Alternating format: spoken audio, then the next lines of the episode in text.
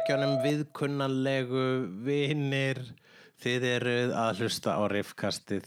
Það er kast um riff.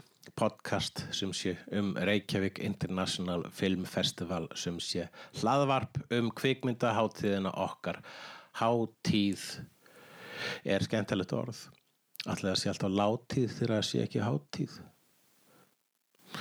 Já, núna er allavega hátíðin því að við erum að halda upp á kvikmyndir hér. Hvaða við? Nú þið og ég og að sjálfsögðu gestur minn í dag sem heitir Ása Helga Hjörleifsdóttir.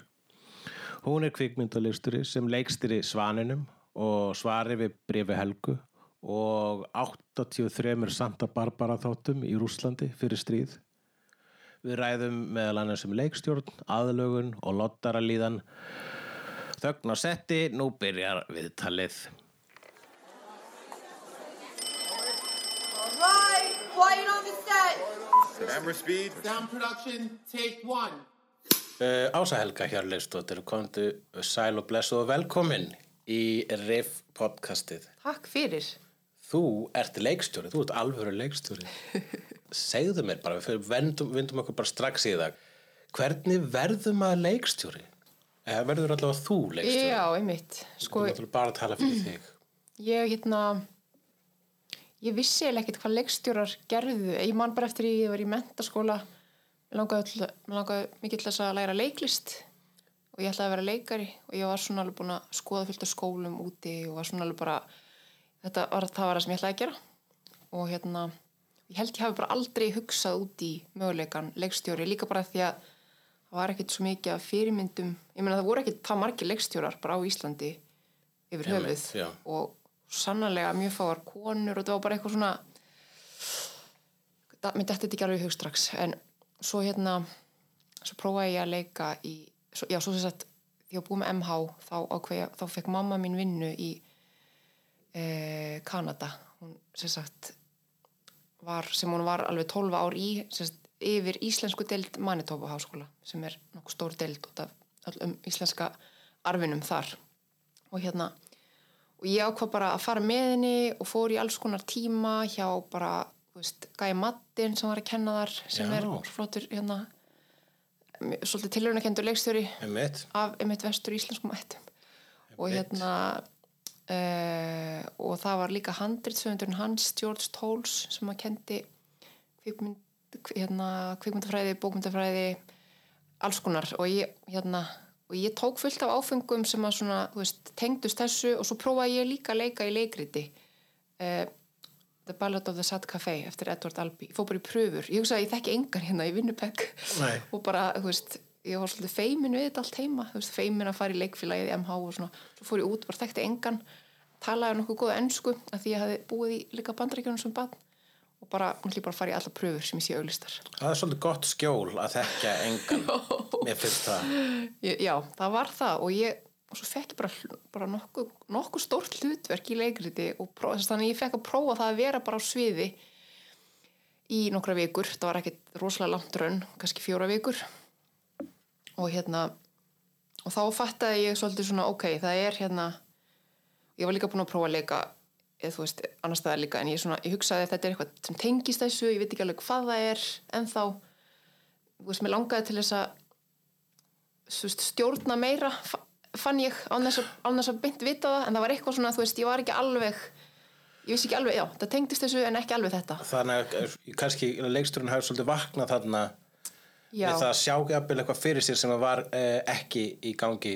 já á þeim stundu. jafnvel, sko, ég var að vinna með frábærum leikstjóra uh, sem að George Tolles, sem er þessi 170 gæmatin, hann, hann var bara mjög, frábæru hugmyndir en ég fann það einmitt líka að mér fannst bara svo vinna öll, svo spennandi svona, einmitt, að því að á blaðið þá er þetta sögumadur í leikriti sem að er í grunninn bara einhver mjög svona nútral stærð er bara á sviðinu að segja frá sögunni að þetta er leikriti sem er byggt á skáldsögu þannig að sögumadurinn var rauninni mjög bara svolítið þu- þurrt hlutverk eitthvað visuált eða svona karakterlega séð.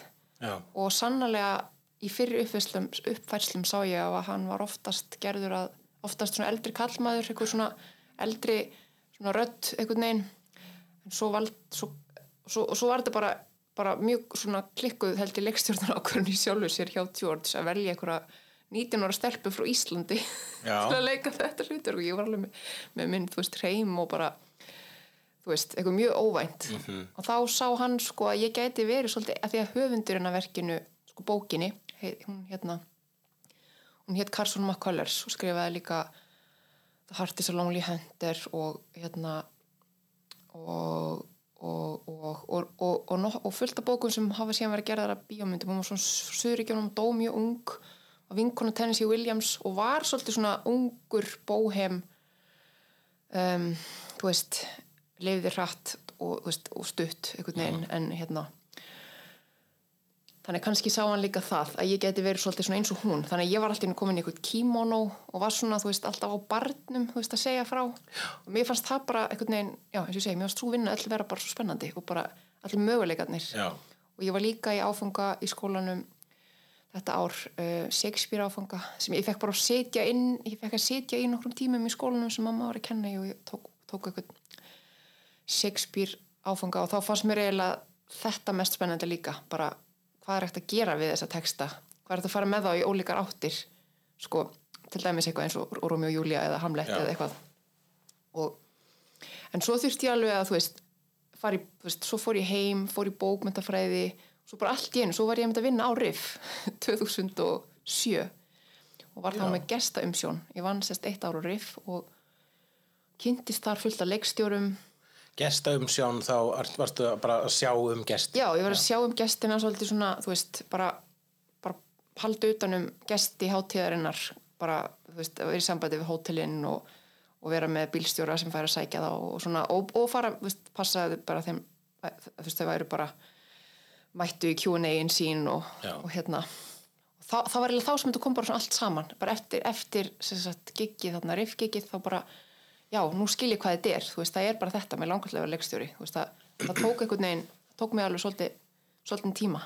Þú ert að, rauninni þá, þú ert bara að eyða tíma með leikstjórum þarna á milli, þú veist, milli þeirra gigga. Já, Er það þá bara eitthvað í því hvernig, hvernig þú kynnist þeim eða svona bara, eða þú veist, sérðu, hérna eru bara manneskjur sem eru að vinna Já. svona vinna með langar til að vera ein af þeim. já, já, einmitt, ég held sko ég hefur líka að ég satt oftast öll Q&A-in með þeim, Já. hlustaði á þá, sumir, já, stundum var þetta náttúrulega orðið mjög, hérna, bara, þú veist, bara leikstjóra sem hurfu, eins og Aki Kárismaki, þú veist, bara finna hann einhvers staðar, kom honum, kom honum í sitt. Hva, hva, hvar, hvar fannstu ekki Karl smakið þegar það týndist? reyndar bara á hótelinu sínu sko, Já, eftir ok. allt saman en það var bara mjög erfitt að hérna, en síðan og svo var bara, þú veist, fólk var að týna farangri og þá náttúrulega, þú veist, vill það fá að þú veist, vera pyrrað út í einhvern og þá var það pyrrað út í mig mm.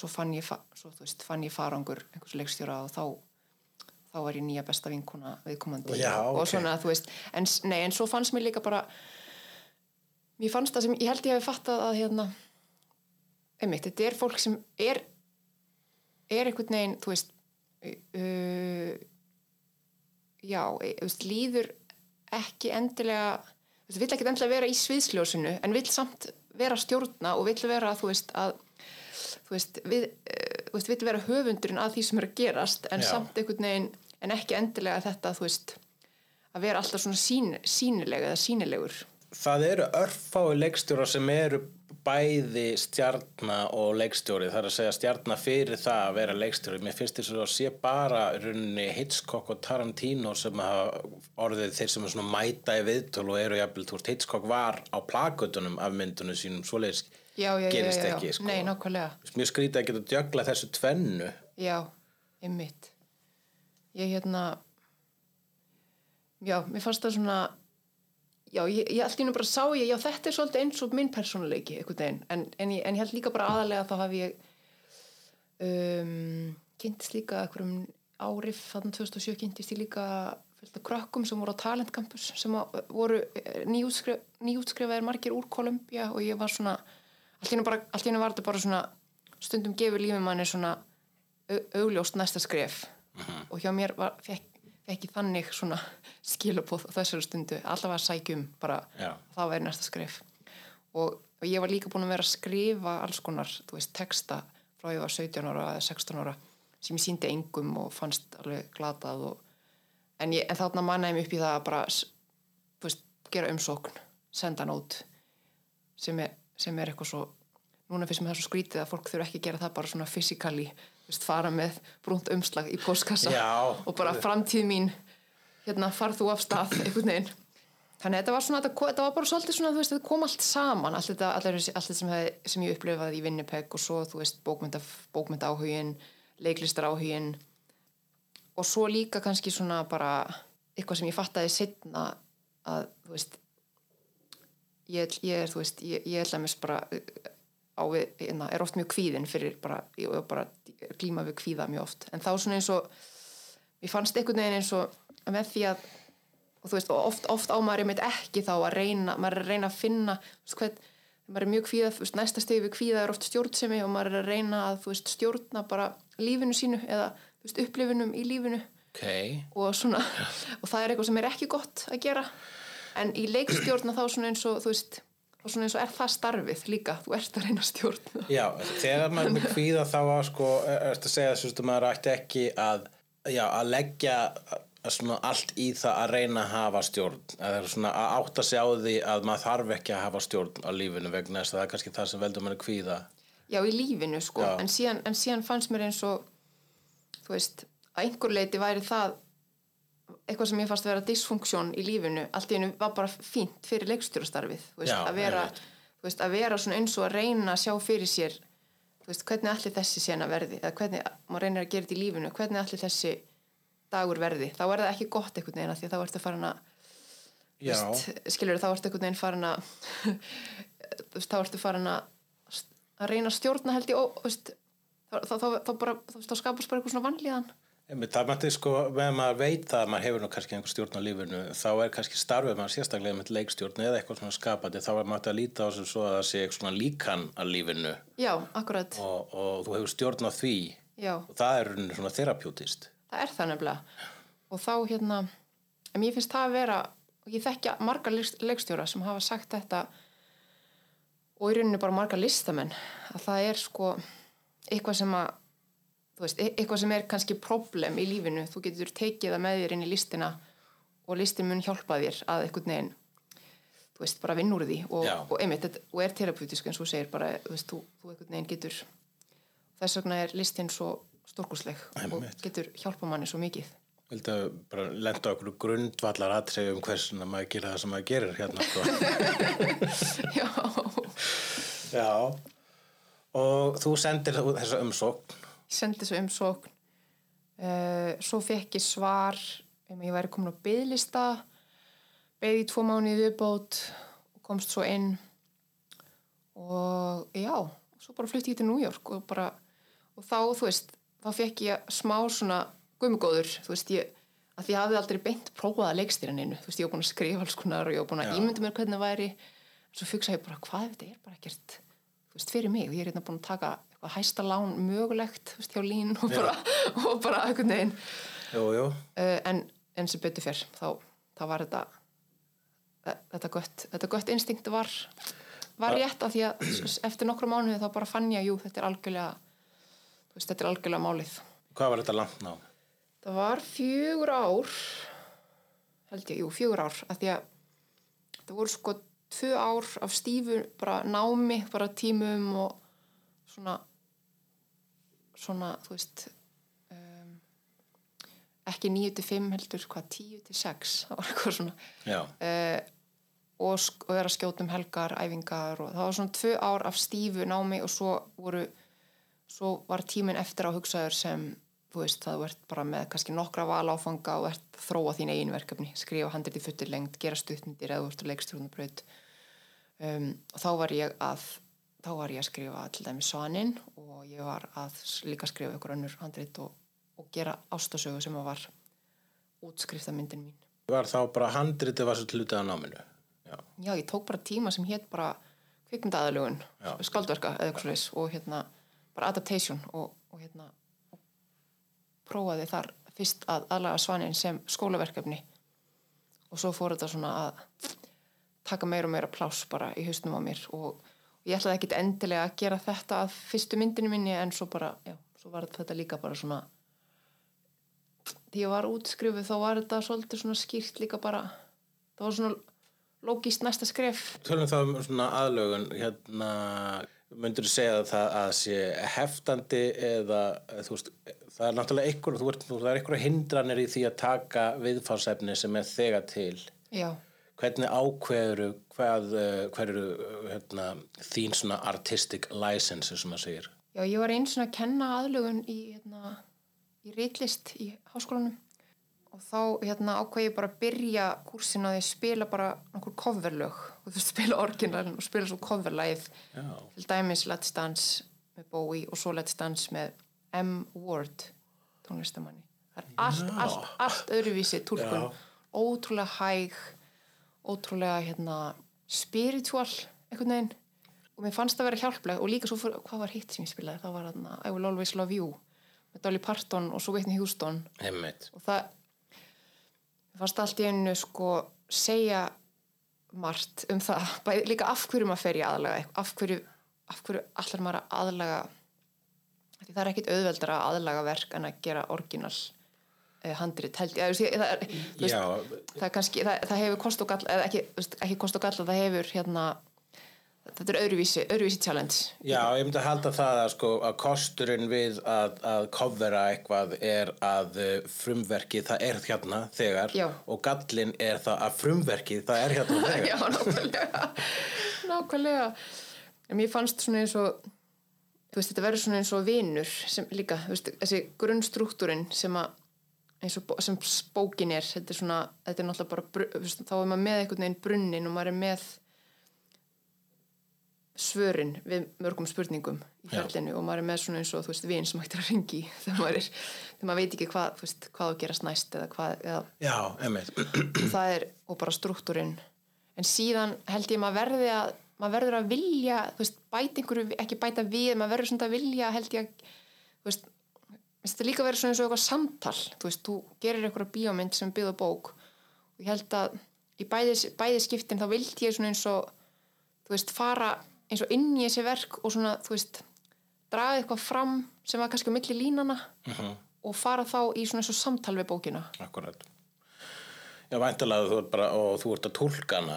Eh, þú, þú ert að segja það sem er að gerast í þínum haus Já. þegar þú lest hana sem að er alls ekkit endilega það sem er að gerast í annar manna hausum en ég held að það sem að bara rauninu mitt tólkanir snúast fyrst og fremst um eða Al, hvað? algjörlega og, og kannski ástæðan fyrir ég nefni sér coverlög er svona er að þegar að maður heyri gott coverlag þá er einmitt sko veist, eins og tilfinningarlega þörfin alveg sterk veist, í coverinu og í orginalnum af því að hún kemur bara úr ykkur annar átt eða þú veist um, og það er eitthvað svona alveg persónlegt eins og með svanin, mér fannst ég bara einhvern veginn alltaf bara vera þessi stelpa þessi nýjára stelpa.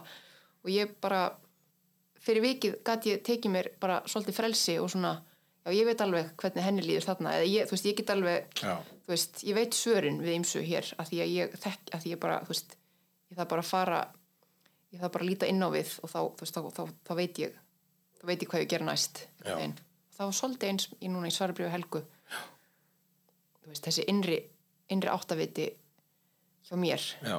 Þeim, þeir eru að svona aðlaga, þeir eru að gera þitt coverlag, as it were uh, var eitthvað sem að sko uh, rauninni var sko var engan veginn í frumverkinu en sem fættist í haustum að þér á meðan varst að gera þetta og hugsa að þetta væri frábær viðbót sko, það sem mm. var í rauninu jafnvel það maður getur kallað að svona var augljósast að kalla þinn stimpil Já. á myndina. Sko ég myndi segja að eins og í svarabrifi Helgu þá að því að bókin sem er stórkoslegt listaverk veist, hún, er, hún er bréf frá Bjarna, frá gömlu manni til ástkonu sinnar sem er dáin. Og fyrir vikið er hérna og það er bara, það er bara þetta fallega form á bókinni, er þetta bréf. Og, og hérna og hann er að svara einhverju brefi frá Helgu sem við vitum ekki hvað stóð í. Ekki mikið, maður fær svona hint. Jú, maður veit svona nokkra mikilvæg hluti en maður veit ekki hvernig þetta bref var mm heilsinni og, og þá fannst mér ég hérna ég fór að vera svolítið forvitin um með mitt helgu og líka unni eiginkonu Bjarna sem við kynnumst smá í bókinni. Að mér langaði svolítið til þess að draga þær tvær fram þannig að þetta er því svona ástar þrýhyrningur veist, og, þau væri svona eins og öll þrjú í, í ykkur svona samtali. Og við værum og við myndum einhvern veginn skilja þau öll af því að mér slíka bara lífið vera þannig að maður þú veist, maður er einhvern veginn hérna, þú veist einhver sagði um tragedíu já, tragedíu er það þegar allir hafa rétt fyrir sér. Og mér stau þú veist, af því það er ekki, það er engin eitt sannleikur heldur eru allir bara að reyna að gera sitt besta. Já, þetta ætla ég að muna. Tragedía er þegar allir hafa rétt fyrir sér. Þetta er vel, vel orðað. já, bara, ég man ekki hvar ég lasi þetta en þetta er alveg bara, þú veist, um mitt þetta er eitthvað rosa, rosalegu sannleikur og mér finnst lífið mjög oft vera þannig, mér finnst bíómyndir stundum detta í góðu kallar, vondu kallar veist, og sannleikurinn sé hjá einhverjum einum frekar en öðrum en sannleikurinn er eitthvað svo fljótandi fyrirbæri og mér, þannig mér fannst þetta áhugavert þannig ég myndi segja að þær tvær bara Helga og Unnur þær eru alveg bara, þú veist, þær eru svolítið þetta er mín Helga og mín Unnur Já. svolítið, þú veist, í samtali við Bjarna sem að ég held að sé mest svona mest líkur sér í bókinni Já. kannski, en samt er þetta líka minn Bjarni, þú veist, en svona Já, þú veist, þetta verður, að því mér finnst ég líka bara skilja þau öll og, og ég hérna já, Náttúrulega í vegna þess að uh, myndir eru visuálísku miðill þá uh, ég vil nöðsilegra að draga þær fram vegna þess að, vegna þess að í bókinni þá eru enga myndir og þá er auðveldur að hafa unni og helgi í ykkur svona þóku sko. Já. Ykkur, já. og þetta er svo mikið minn, þetta er minningar hans og veist, og, er, og hann er að draga fram einmitt, hann er að draga fram veist, lífið sitt í orðum og alveg ótrúlega og það er, by the way, veist, ég mæli bara svo eindrið með að hlusta á Bergsvein lesa, hljóðbókin, þú veist, það sem Ok. hann les sjálfur Já. og það er svo það er svo flott og það er eitthvað svo hérna um, já, það er bara svona eins og performance eiginlega í sjálfu sér líka, sá lestur og svo, þú veist, svo einhvern veginn svo myndin svo er myndin svona eins og já, eins og kannski, þú veist auðvitað bara algjörlega aðlugun á bókinni en líka, en líka þú veist, ég líka draga fram eitthvað einmitt sem var kannski í smá þóku eða móðu eins og þú Já. orðar það Let's all go to the lobby. Let's all go to the lobby. Let's að setja örlittla pásu á þetta viðtal í örskamma stund til þess að minna á uh, Riff Pub Quiz sem verður þann 28. september klukkan 8 í mál og menningu þemað er að sjálfsögðu kvikmyndur og stjórnendur verða Sandra Barilli og Hugleikur Dagsson sem að er ég ég og Sandra rekum um mitt kvikmyndarhlaðvarpið Vídeó sem að ég plugga alveg skammalest hérna og mæli eindrið með. Ekki bara vegna þess að ég er í því heldur líka vegna þess að og aðalega vegna þess að Sandra er í því og hún ef ég ætti að lýsa henni í einu orði er skemmtileg. Og þess vegna get ég lofað að pubquiz okkar verður skemmtilegri en svona pubquiz eru vanalega. Fullt af flippi og, og, og bara vitleysu og gríni og stuði og það verður gaman. Tjekkið á okkur þann 28.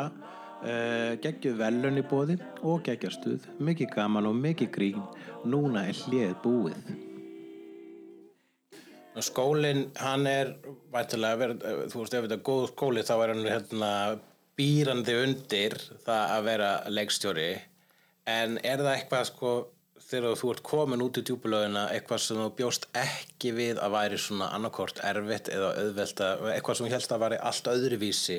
Já, ég myndi segja að sumt er bara, já, þetta er bara góður skóla þýlitinu til að, já, ég, ég fór ekki út úr honum með impostor, með mjög mikið impostor syndrom, impostor allavega, bara svona mátulega Svona mikið. þetta sem að þarf hvort þið er. nákvæmlega, og hérna, og, um, vá, það eru alls konar hlutir sem ég bjóst ekki við. Ég, þú veist, ég held líka bara þetta, og aftur kannski á þetta við um mjög margar listgreinar, að það er svona, þú veist, ég held að sé bara þetta svona endurance eða svona þetta hérna hvernig tíma það? Þú veist, þessi bara, já, hvað myndum að ráða það? Uh, þól já, þól fyrir bara þú veist, endalausri oft byð, byð eftir peningum, byð eftir svörum, byð eftir hinn og þessu um, fátækt, fátækt, veit ekki hvernig næsta paycheck kemur, stundum á maður fullt af penningum, stundum á maður engan penning, bara, bara þól fyrir þessu öllu. Það var kunnulegt allt saman.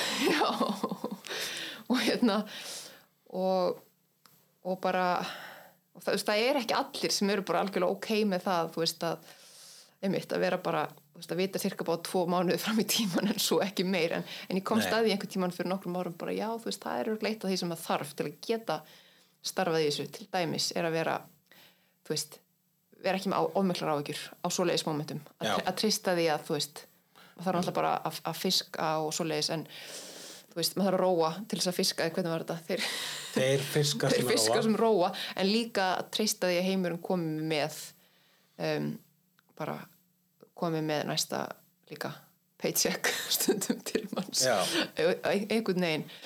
En hérna e, líka bara líkamlega þú veist, þetta er drullu erfitt að vera oft í tökum í marga vikur, eitthvað staður upp á fjalli eitthvað kalt, þú veist, bara sofa lítið, þú veist, allir í allir í hérna allir undir rosalegu álægi þú veist, andlega bara þú veist, það eru allir undir álægi og ef þú hugsaður um bara, þú hugsaður um fólki í kringum sig, þú veist, það eru mjög margir sem að funkar ekki vel undir álægi og ímyndað er bara, þú veist, 30 manns þannig undir álægi úti, á, úti, úti í kuldanum.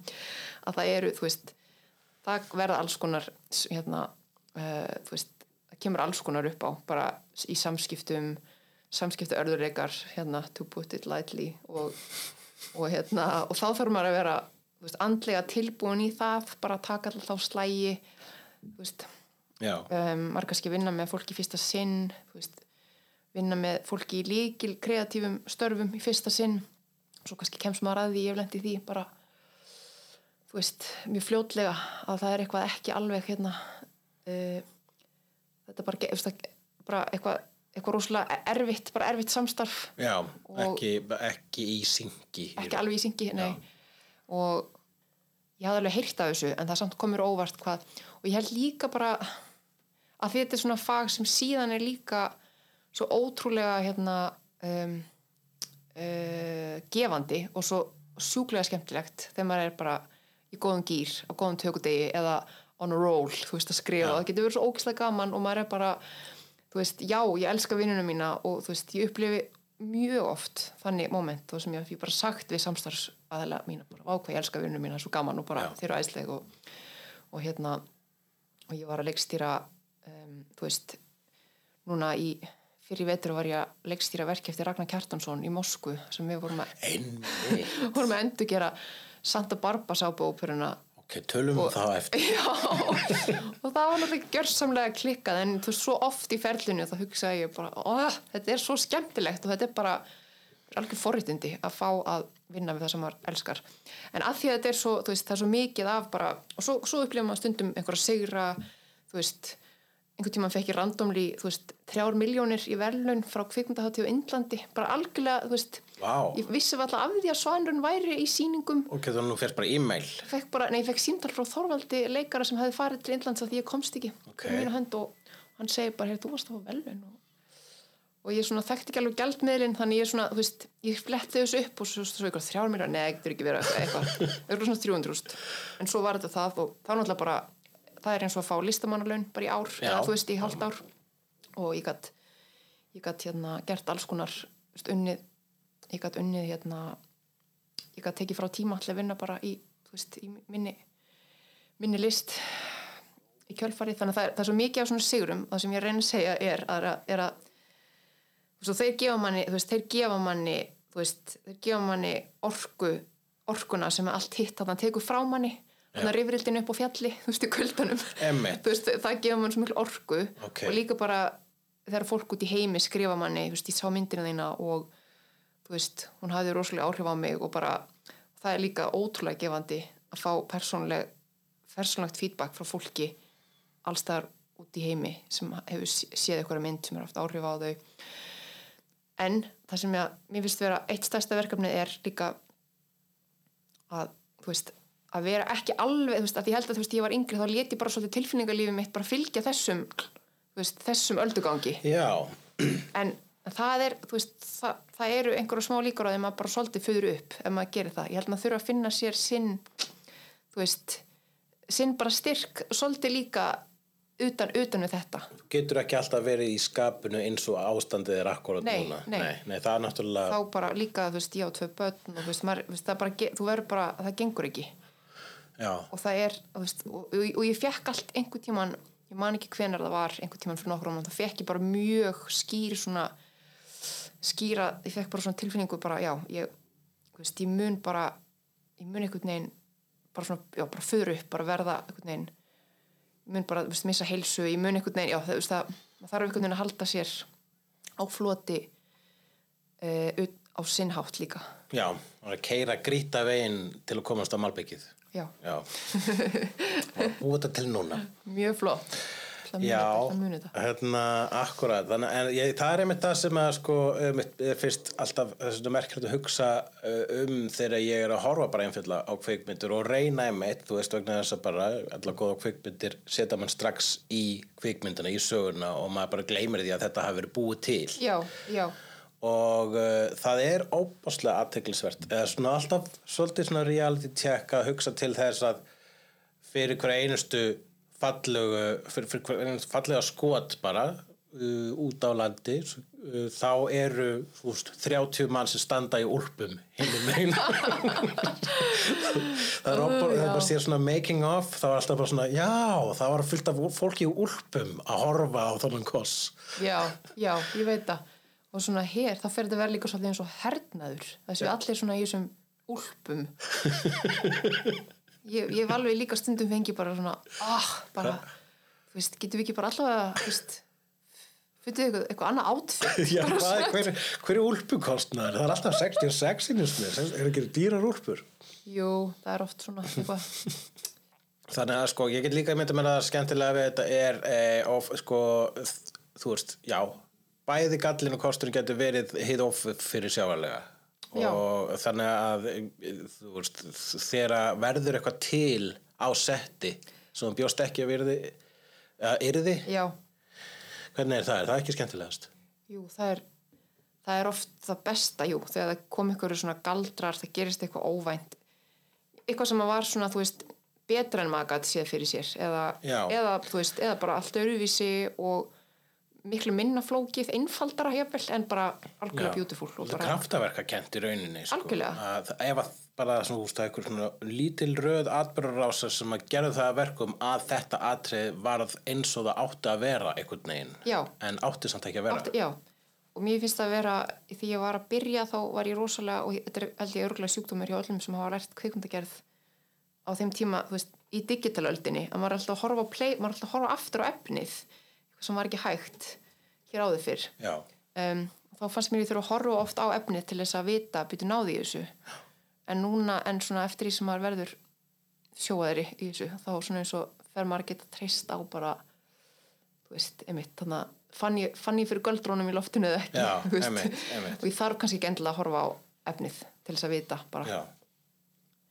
um, það er bara mjög sjaldan sem ég horfi aftur á efnið eitthvað, þú veist, á setti ég horfi ofta á það, þú veist, eftir tökudagi eftir tökudaginum líkur en Já. svona já og Já. hérna þessar tvær bíómyndir þær eru þetta eru, þetta eru bækur sem þú vildir gera uh, kvikmyndir eftir Sko Svanurinn var algjörlega þannig kom frá hugmynd frá mér að gera það, þá bíómynd en með svarabrifi Helgu þá byrjaði það sem símtal frá Zigzag símtal, Já. byrjaði bara að ég fekk símtal um þetta verkefni og, og hérna Skúli Malmqvist og Birgitta Björnsdóttir framleiðendur myndarinnar þau voru þau voru með þetta handrit og hérna skúli hafði samband og ég var búin að vinna með Birgittu að svaninum og, og satt að segja þá var ég ekki alveg viss fyrst hvort þetta væri mynd fyrir mig. En ég, þú veist, las bókina aftur og var hérna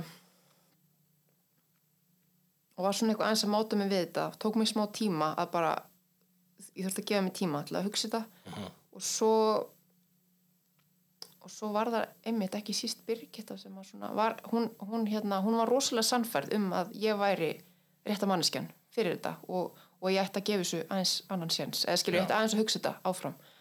Og, og svo hugsaði ég þetta áfram og, og svo fór þetta ásækja mig smá og ég fór svona, mér langaði ekki til þess að sleppu þessu og, og mér langaði ekki til þess að einhver annar kerta Já. mér langaði til þess að ekki hérna, hvernig, hvernig tilfinningur er það þegar fólk bara svona vill fá þig? Það er mjög, jú það er mjög það er, þú veist, mér finnst það mjög uh, flattering og svona, þú veist, þú veist sérstaklega þegar það er þegar ég, þú veist, er sammálaði eða þú veist, þegar maður les síðan verkefnið og það er svona bara, já, ég skil af hverju fólk segir þetta eða ég, þú veist, ég, ég hérna þá verður þetta svolítið dýrmætt tilfinning og svolítið líka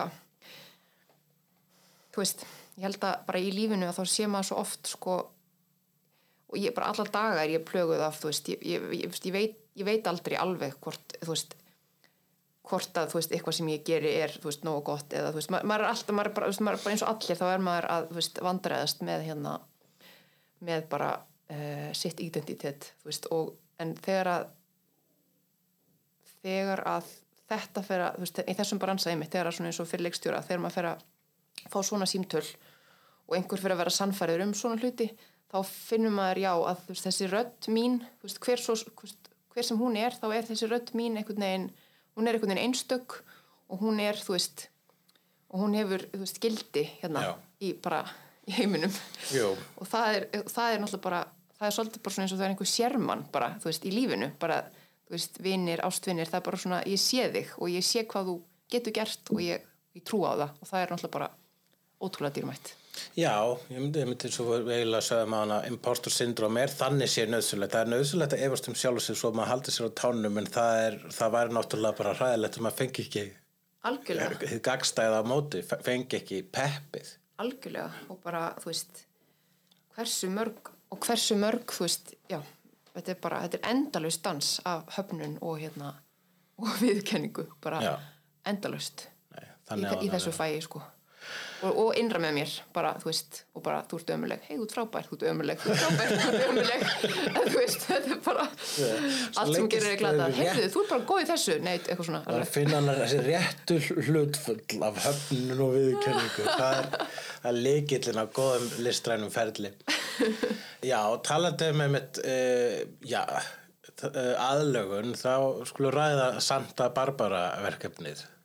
Hvað, já, hvað, Já, sem sagt í síðastlegin vetur þá og í rauninni bara undanfærin ár síðan 2019 þá hef ég verið að þróa og síðan að e, bara setja upp og leikstýra verki eftir Ragnar Kjartansson sem að er átti að vera 100 daga langt svona performanceverk það sem að sábúoperan Santa Barbara er, er endurgerð í Rúslandi eða þú veist þetta er verk á safni í Moskvu og kemur hann á safnið og á hverjum degi er verið að skjóta nýjan og nýjan þátt af Santa Barbara. Eitt þáttur á dag í 100 daga en var síðan 83 dagar út af stríðinu Já, Ukrænu Já, þannig að það var annars var þetta bara performancein sjálfur sem þú, sem þú sást ef þú komst á safnið en svo vorum við líka að taka allt upp og í rauninni að klippa live bara eins og bara hérna, bara eins og sjó, bara, það var bara sjónvarp framleiðsla bara, end, bara, bara endurgerð á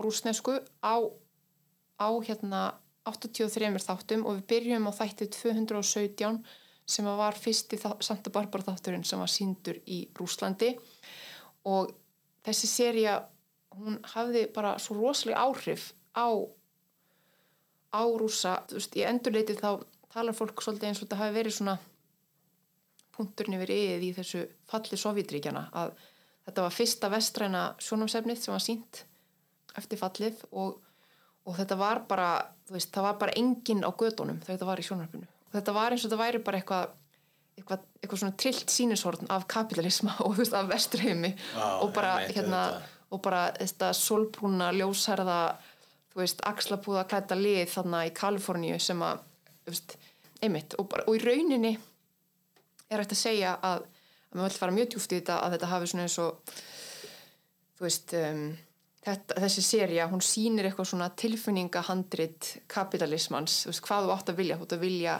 þú átt að vilja eiga fullt af peningum, gegja hús fallega konu. Þú veist, eða eldri maður, fallega fyrri eiginkonu, fallega nýja yngri Já. eiginkonu, fullt af börnum sem vilja ólum taka við fyrirtækinu þínu. Þú veist, og bara og allt gerist þetta undir einhverjum pálmatrjám í hérna í Santa Barbara í Kaliforníu.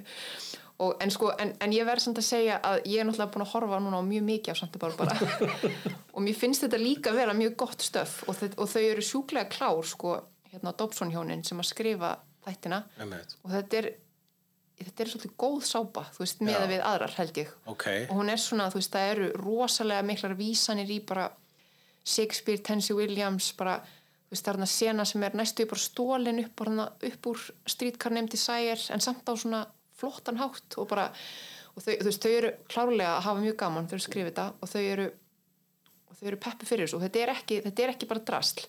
Sko, nar narratíft séð. Nei, nei, nei, Eh, alls ekki, þannig að það er líka held ég það er líka held ég ástæðan fyrir þetta var vinsælt þetta er, þetta er, bara, þetta er líka það er eitthvað gott, mann líður ekki bara illa þú veist, við horfa á þetta. Og, en, þetta, en þetta var svolítið svona eins og þú veist samt líka, emitt, svona tilfinningahandrit kapitalismans, vesturheims, gjör svo vel svona getur lífið verið þú veist, ef þið hérna ef þið kjósi Trump, neittjók ef þið hérna, ef þið, ef þið eru hérna þú veist, ef þið eru þeim megin í lífinu og þá Já.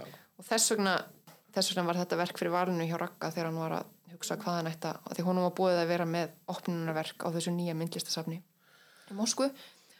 Svo fær hann, svo að því hann langaði til þess að gera þetta svolítið svona að líka svona tilfinningaskúltúr, að við værum þú veist, við erum alltaf að vinna þetta mjög hratt við erum að gera eitt þátt á dag sem er eins og þetta var reynda gert líka uh, í bara í alvöru tökunum á Santa Barbara.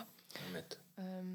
og en okkur langaði til þess að vera samt með svona líkil senur sem, sem maður myndi gefa sér aðeins tíma í og ná bara einhverju mjög þú veist, þú veist reyna líka að fara bara inn í, í alvörunni tilfinningar, þú veist ekki bara að það sé allt feik Já, rauninni þú ert bara, að tala um cover, coverlög, þú ert að, að spila það coverlög með innlifun. Alg, með innlifun? Já, Já, ég hef, og ég hef mjög mikið áhuga á bara þessu, á bara tilf, tilfinningum á, á skjá og bara Já. hvernig maður getur, hversu nálægt maður getur komið, þú veist, farið að þeim.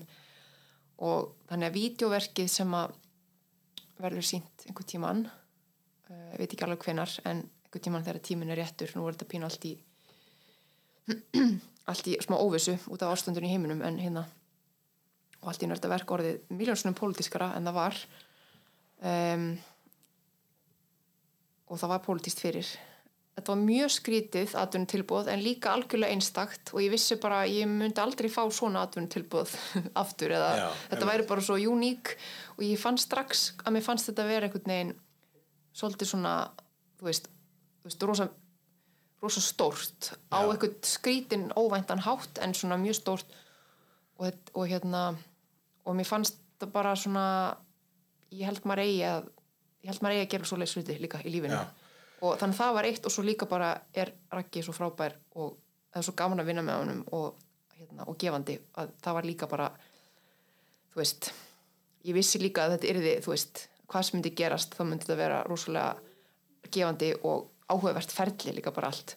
En svo var partur af djöpunum var náttúrulega að flytja til Rúsland í nokkra mánuði. Já, en það var líka æfintýri og það var náttúrulega kom svolítið svona auka tvist á það allt. Ég menna þú veist talandi um að það sé sko, það sem hefur lokkað sem sé við þetta projekt er náttúrulega óvissan. Við verðum að tala um það að þú ert bara eins og með hinn verkefnin þá, er, þá, þá ertu með þína beinagrind, þá ertu með frumverkið þá ertu með það sem að þú veist að á að vera eða einhver- einhvers konar sín sko, einhvers konar skýrleika. Og svo er það hvað býr í þokunni? Já, og uh, ég get ímyndum að í þessu projekti þá hafi það verið mjög spennandi að, meina, að þú hefur sagt já bara vegna þess að hvað í óskupunum býr í þessari þóku, hvað mun gerast þarna? Já, algjörlega. Svo var þetta svo skrítið. Svo vorum við sko, við vorum í stuttu stoppi á Íslandi akkurat þegar þegar að hérna, þú veist innrásin átti sér stað 24. februar og við áttum að fara út aftur 22. februar og þá kom klikkað óveður Já. og öllum flugum var aflýst þann dag og það var einhvern veginn ekki gott flug aftur fyrir 27. februar og ég bara ok, förum, setjum okkur á það og hérna svo þetta bara í mildtíðinni þá bara hérna fjall jartjaldið hérna á ný og heimurinn breyttist og við hefum ekki farið og ég veit ekki, ég veit ekki hvort ég komist aftur til Úslands, ég vona það. Já, ég sé ekki okkur um svörtum lista. Geti verið. Já, nei, ég, fyr- fyrir Santa Barbara uh, ég veit ekki hvernig þessir hvað þú þarft að gera til að lenda á svörtum lista þarna? Nei. En, þá, en þá, bara- já, þannig að þá allt í hennu bara uh, já, þá, þá var þetta endaði þetta bara þarna en það er endir líka. Það er líka endir. Það er líka endir. Já, og menna, sko, ég hljóma bara eins og þú veist hérna við erum að tala hérna, um samtal vestus og austur og þá bara svona eh, talandi, já, talandi um hl- hluti sem að komu sem að, um eiginlega jafnvel gera verkið að eitthvað svona se- setja það á annan stað, bara svona kemur einhver ný slaufa á verkið sem að átt ekki að vera þarna. En í samhengi söguna núna þá á þessi slaufa algjörlega heima þarna a- algjörlega. Og þetta er eiginlega bara svolítið skeri sko, hvað þetta er allt einmitt. Þannig að þetta varð meiri heimild já, heldur en að ætlast til var. a, mi- miklu meiri og svona, og, og bara Og Var- sterkara, kofurlag. sterkara, miklu sterkara coverlag sko, þannig að ég einmitt það er bara, verður svolítið og þú veist það verður bara spennandi líka að sjá síðan hvernig hvernig ferðalagi heldur áfram þegar að verkið síðan, vídeoverkið fer út í heim Ég hlakka allavega rosalega mikið til að sjá það, uh, til hafingju með allt þitt. Ása Helga, takk fyrir kominu hinga í reyfkastið. Ég hlakka til að sjá uh, framtíðina. Nei, ég ætla að orða þetta öðruvísi. Þetta var svo mjög cool þetta var svona eins og veiskik Ok, höfum þetta bara svona. Flott, flott. Mistökin. Ok, Já, cool. cool, Ok, bye. bye Okay, that's a wrap. Þetta var Ása Helga Hjörleifsdóttir, leikstjóri. Það má segja að í þessu viðtali hafi hún kent okkur að leikstjórar eru ekki bara að stjórna leik, heldur líka að leika stjórn. ég, ég sverða ég veit ekki alltaf hvað ég er að segja. En ég stend við það. Þetta er allt saman opið til tólkunar eins og vafalust margar af þeim myndum sem síndar riffi ár. Mmm, sjáðu þið, heyrðu þið segveiði sem ég gerði þarna. Talandi um leikstjóra. Einn af heiðurs leikstjórum riff núna er leikstjóri sem að leikstýrir myndum um leikstjóra. Eða réttur að gerir heimildamindir um kvikmyndir. Við erum að tala um Alexandre og Filipe sem að vakti fyrst aðtekli með kvikmyndinu The People vs. George Lucas sem er basically bara um þegar að allir auður fúlir út í George Lucas fyrir að gera The Phantom Menace og uh, Riffmun sem sé sína þrjármyndir eftir uh, Filipe á þessari hátíð og það er, þar ber fyrsta lefna Dock of the Dead frá 2014 sem er auðvitað kvikmynd um zombíu kvikmyndir. Og svo er, hann, svo er líka verið að sína sem sett um, 78 skástrygg 52 heitir kvikmyndin sem er um styrtu aðtriði fræga í Psycho sem var sem sett 78 kameru setup og 52 klipp. Og svo verður nýjasta mynd Philippes sínd hún heitir uh, Lynch skástrygg Oz sem fjallar um hvað David Lynch elskar The Wizard of Oz. Þetta eru allt myndir sem við langar til að sjá. Ég ætla að sjá þar allar á þessari hátíð. Þetta er náttúrulega bara must see fyrir kvikmyndanörda. Hvernig er hægt að missa þessu? Nei, ég bara spyr. Viltu vita meira? þá skaldu fara á riff.is en í millitíðinni segi ég bara uh, hafið það sem allra best og uh, bíó er best og uh, ok, bye